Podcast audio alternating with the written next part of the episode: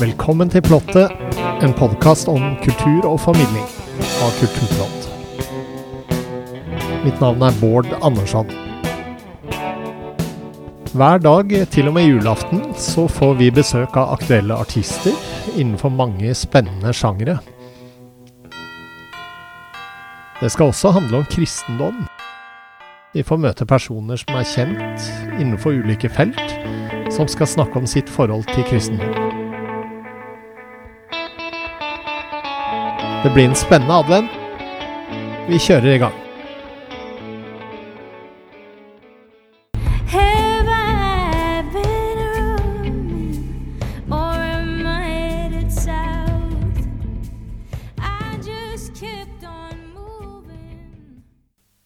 I dag har vi fått besøk av jazzmusiker Daniel Herskedal. Han er aktuell med albumet Out of the Fog, hvor bl.a. Emilie Nicolas er med. Velkommen. Tusen takk for det, veldig hyggelig. Ja, Så fint å ha deg her. Kan ikke du først fortelle litt om hvordan albumet ble til? Bakgrunnen for det? Jo, det, det var egentlig eh, en invitasjon til å lage et bestillingsverk til jazzfest, eller Trondheim Jazzfestival. Um, Elsviggo Sandbakk som hadde, hadde lyst til at vi skulle lage en konsert der. Um, og han sa òg at det måtte Eller han ønska seg veldig sterkt at jeg skulle invitere meg med musikere som jeg ikke hadde jobba med før. Det skulle være noe nytt. Eh, så da begynte jeg å tenke, jeg tenkte mye forskjellig egentlig, men så jeg visste jo at Emilie hadde brukt litt av min musikk før, så at det kanskje var en liten sjanse for at hun var interessert. Ja. Eh, og det var. Og Eivind Aarseth har jeg vært stor fan av lenge. Eh, han gjør utrolig mye fint. Ja.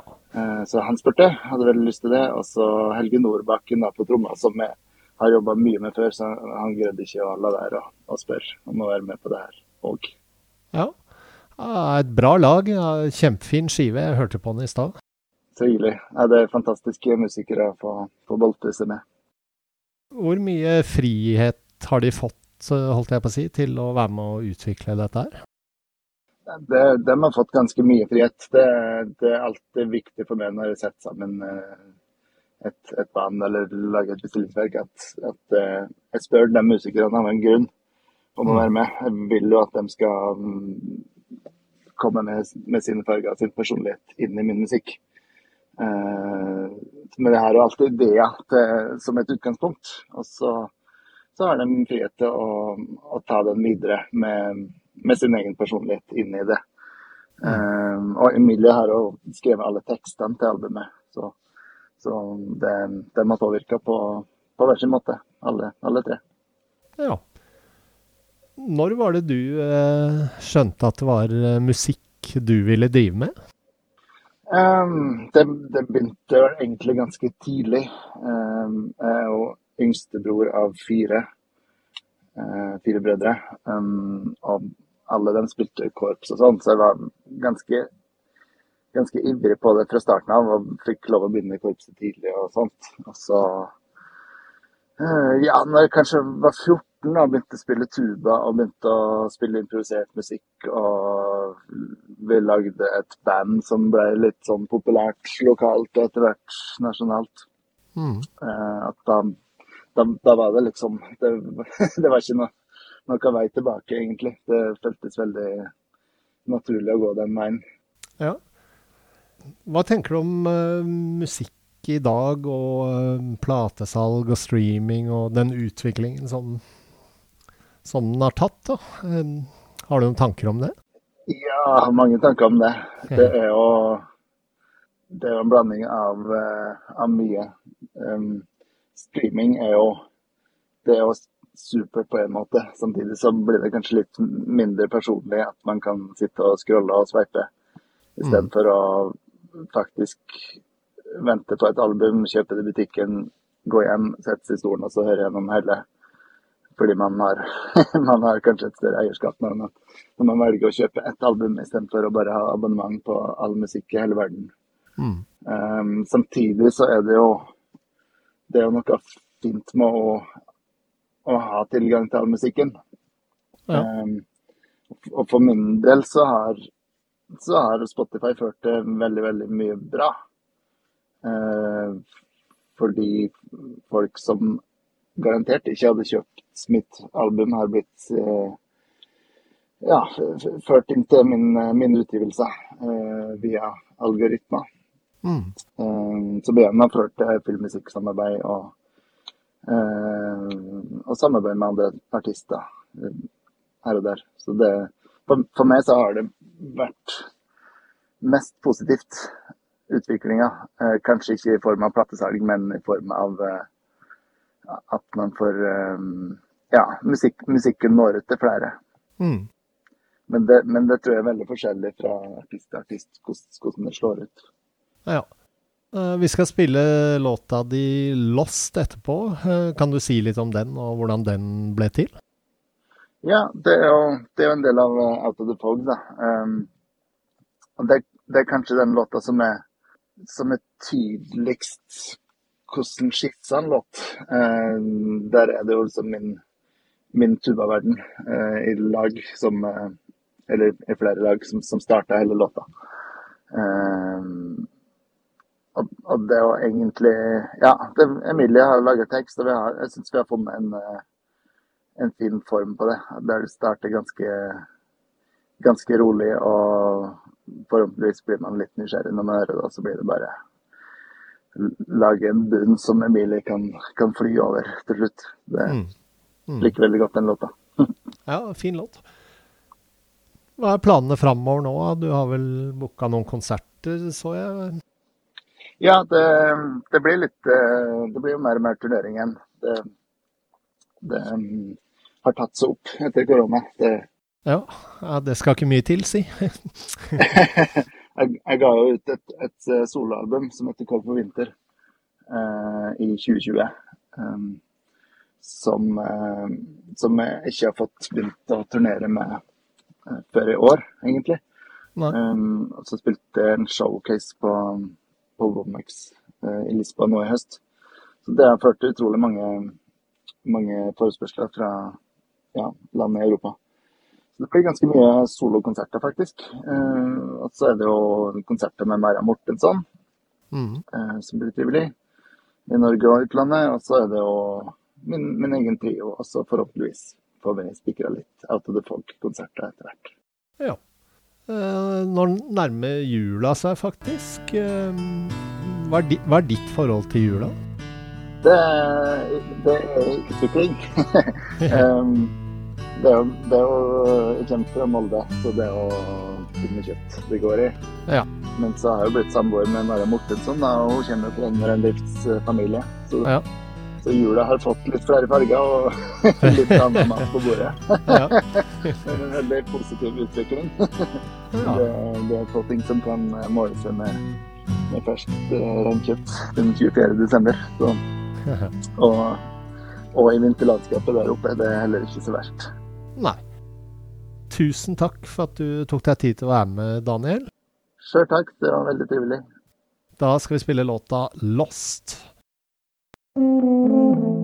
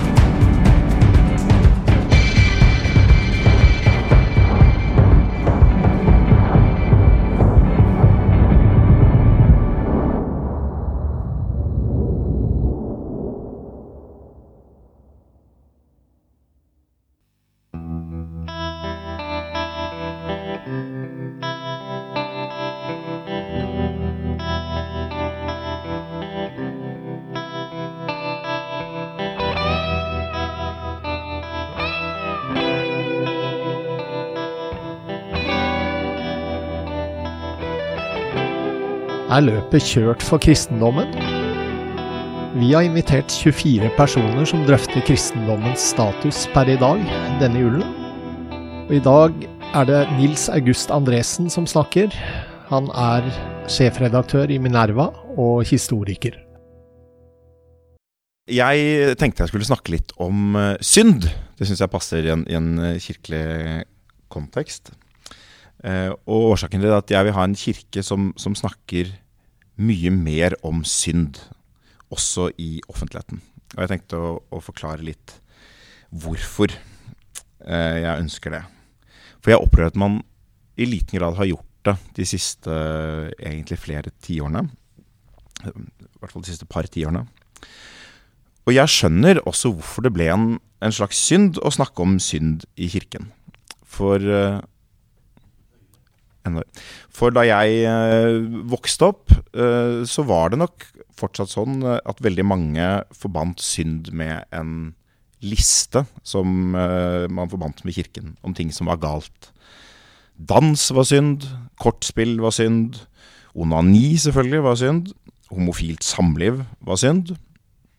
Noe av dette fins også fortsatt i noen kristne miljøer. Og hvem vil egentlig snakke om noe slikt blant liberale, humanistiske kristne? Jeg tror det ble viktig for mange prester i, eh, som ble voksne en gang etter 1968, generasjonen over meg, ikke å snakke om denne synden. Ikke å snakke om den undertrykkende, skambelagte, skampåførende synden som mange forbandt med i hvert fall deler av kirken tidligere. Eh, For min generasjon så tror jeg likevel det er annerledes. For jeg sier at jeg vokste opp med det, men, men de fleste på min alder er ikke vokst opp med at disse tingene har noen ordentlig realitet. Det er forskjeller, selvfølgelig, eh, over vårt ganske langstrakte land, ulike miljøer. Men når jeg snakker med mine venner, både i og utenfor kirken, så møter jeg veldig få som, som på en måte har denne muligheten for skampåføring. Denne synden er ikke en realitet for dem som de har vokst opp med. Og jeg trodde egentlig at, det, at samfunnet var gått videre fra det. Eh, Og jeg støtter på, det, på denne motviljen mot synden eh, sånn eksplisitt i kirkelig sammenheng i prosessen rundt endringen av synsbekjennelsen for, eh, for rundt ti år siden. Man endret, eh, begynte å gå bort ifra den, den gamle synsbekjennelsen som er fra 1920-tallet, vel. Se i nåde til meg, syndig menneske, som har krenket deg med tanker, ord og gjerninger, og kjenner lysten til det onde i mitt hjerte.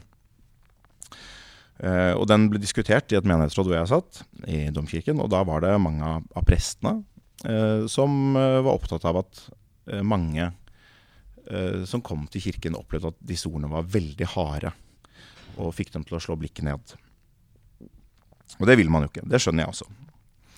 Men for meg hadde det aldri vært sånn. Den kirken jeg kjente, eh, ha- hadde ikke et sånt synsbegrep. For meg var synd et språk for å snakke om veldig viktige ting eh, i livet. De destruktive sidene i mennesket, og de sidene som, som gjør at det gode som jeg vil, det gjør jeg ikke, og, og det onde som jeg ikke vil, det gjør jeg.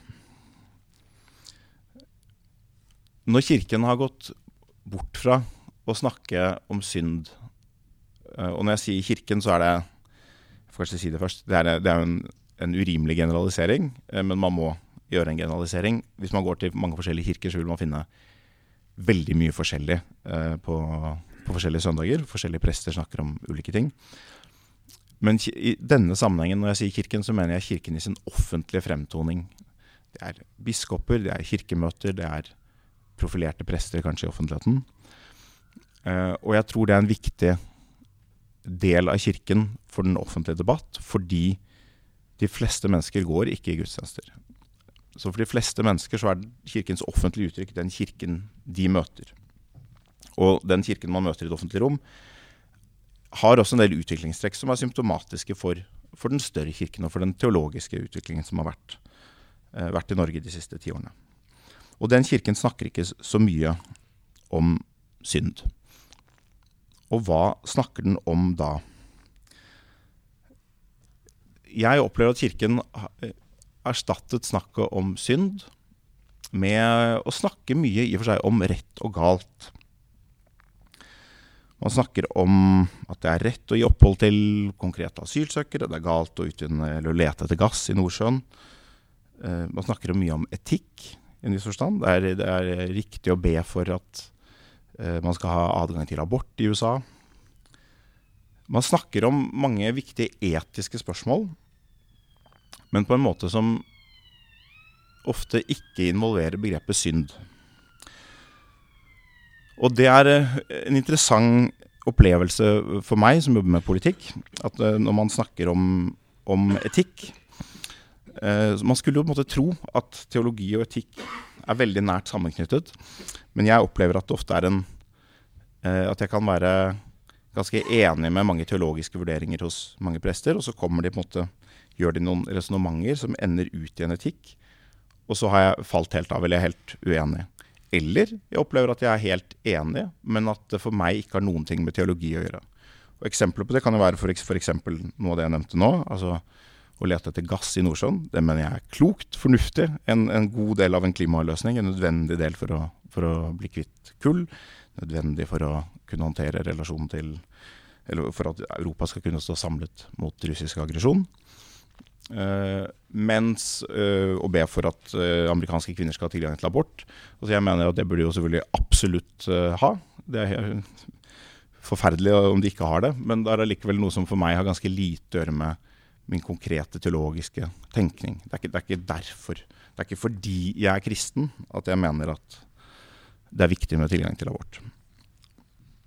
Og det er en uh, inngang til å tenke om hva er det som er forskjellen på etikk og synd de to begrepene. Jeg mener ikke å si at Kirken ikke skal ha, ha en etikk. I noen grad så, så har man selvfølgelig en, en etikk. Og det at etikken ikke alltid er helt spesifikk kristen, er ikke en, eh, kanskje tilstrekkelig innvending. Det, det, eller det er ikke en ordentlig innvending. Det, det er helt greit at det er sånn.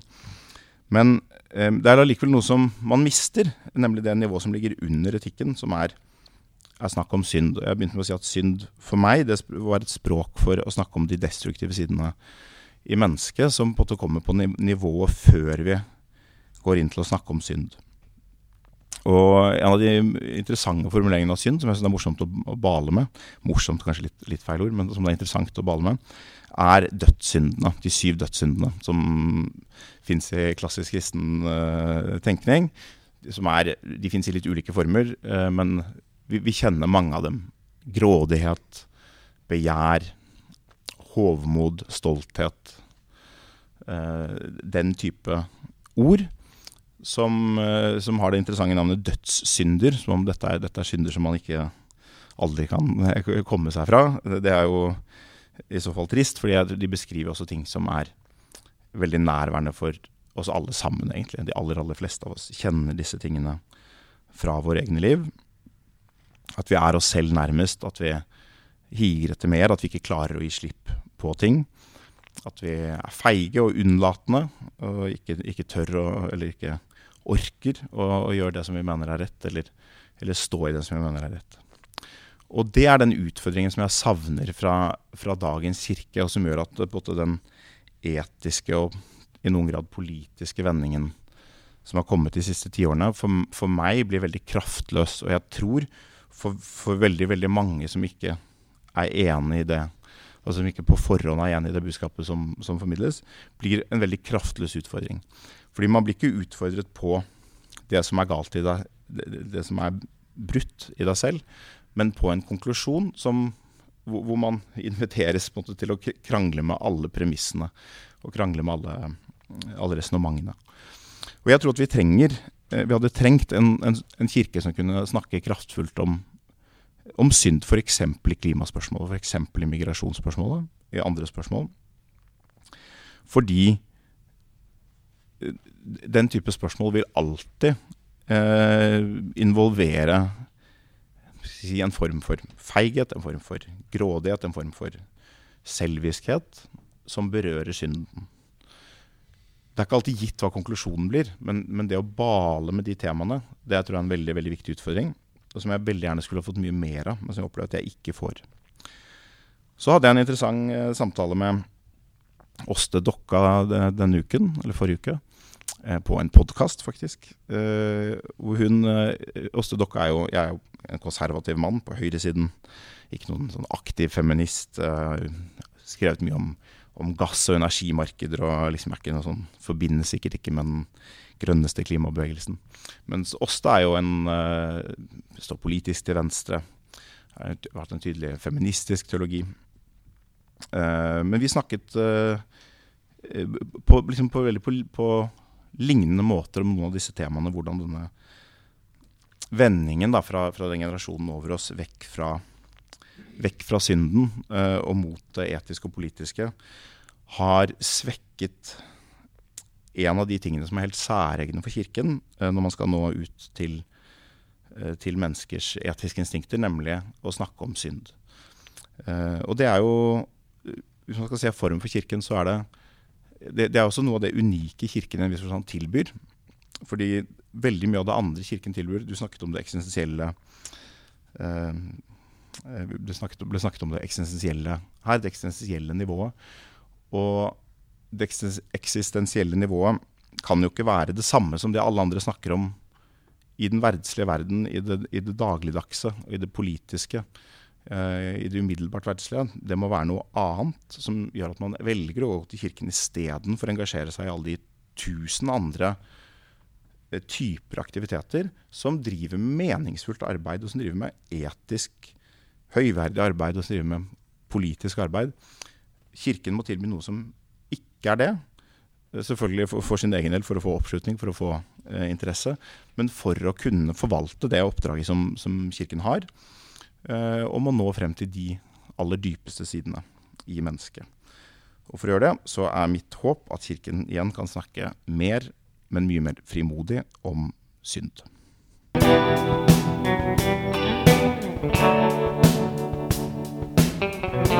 Følg med på alt som skjer i kulturverdenen på kulturplott.no. Der finner du også et tilbud på Kulturplott og magasinet Samtiden på 150 kroner for seks måneder. Programleder og teknisk ansvarlig for denne sendingen var Bård Andersson.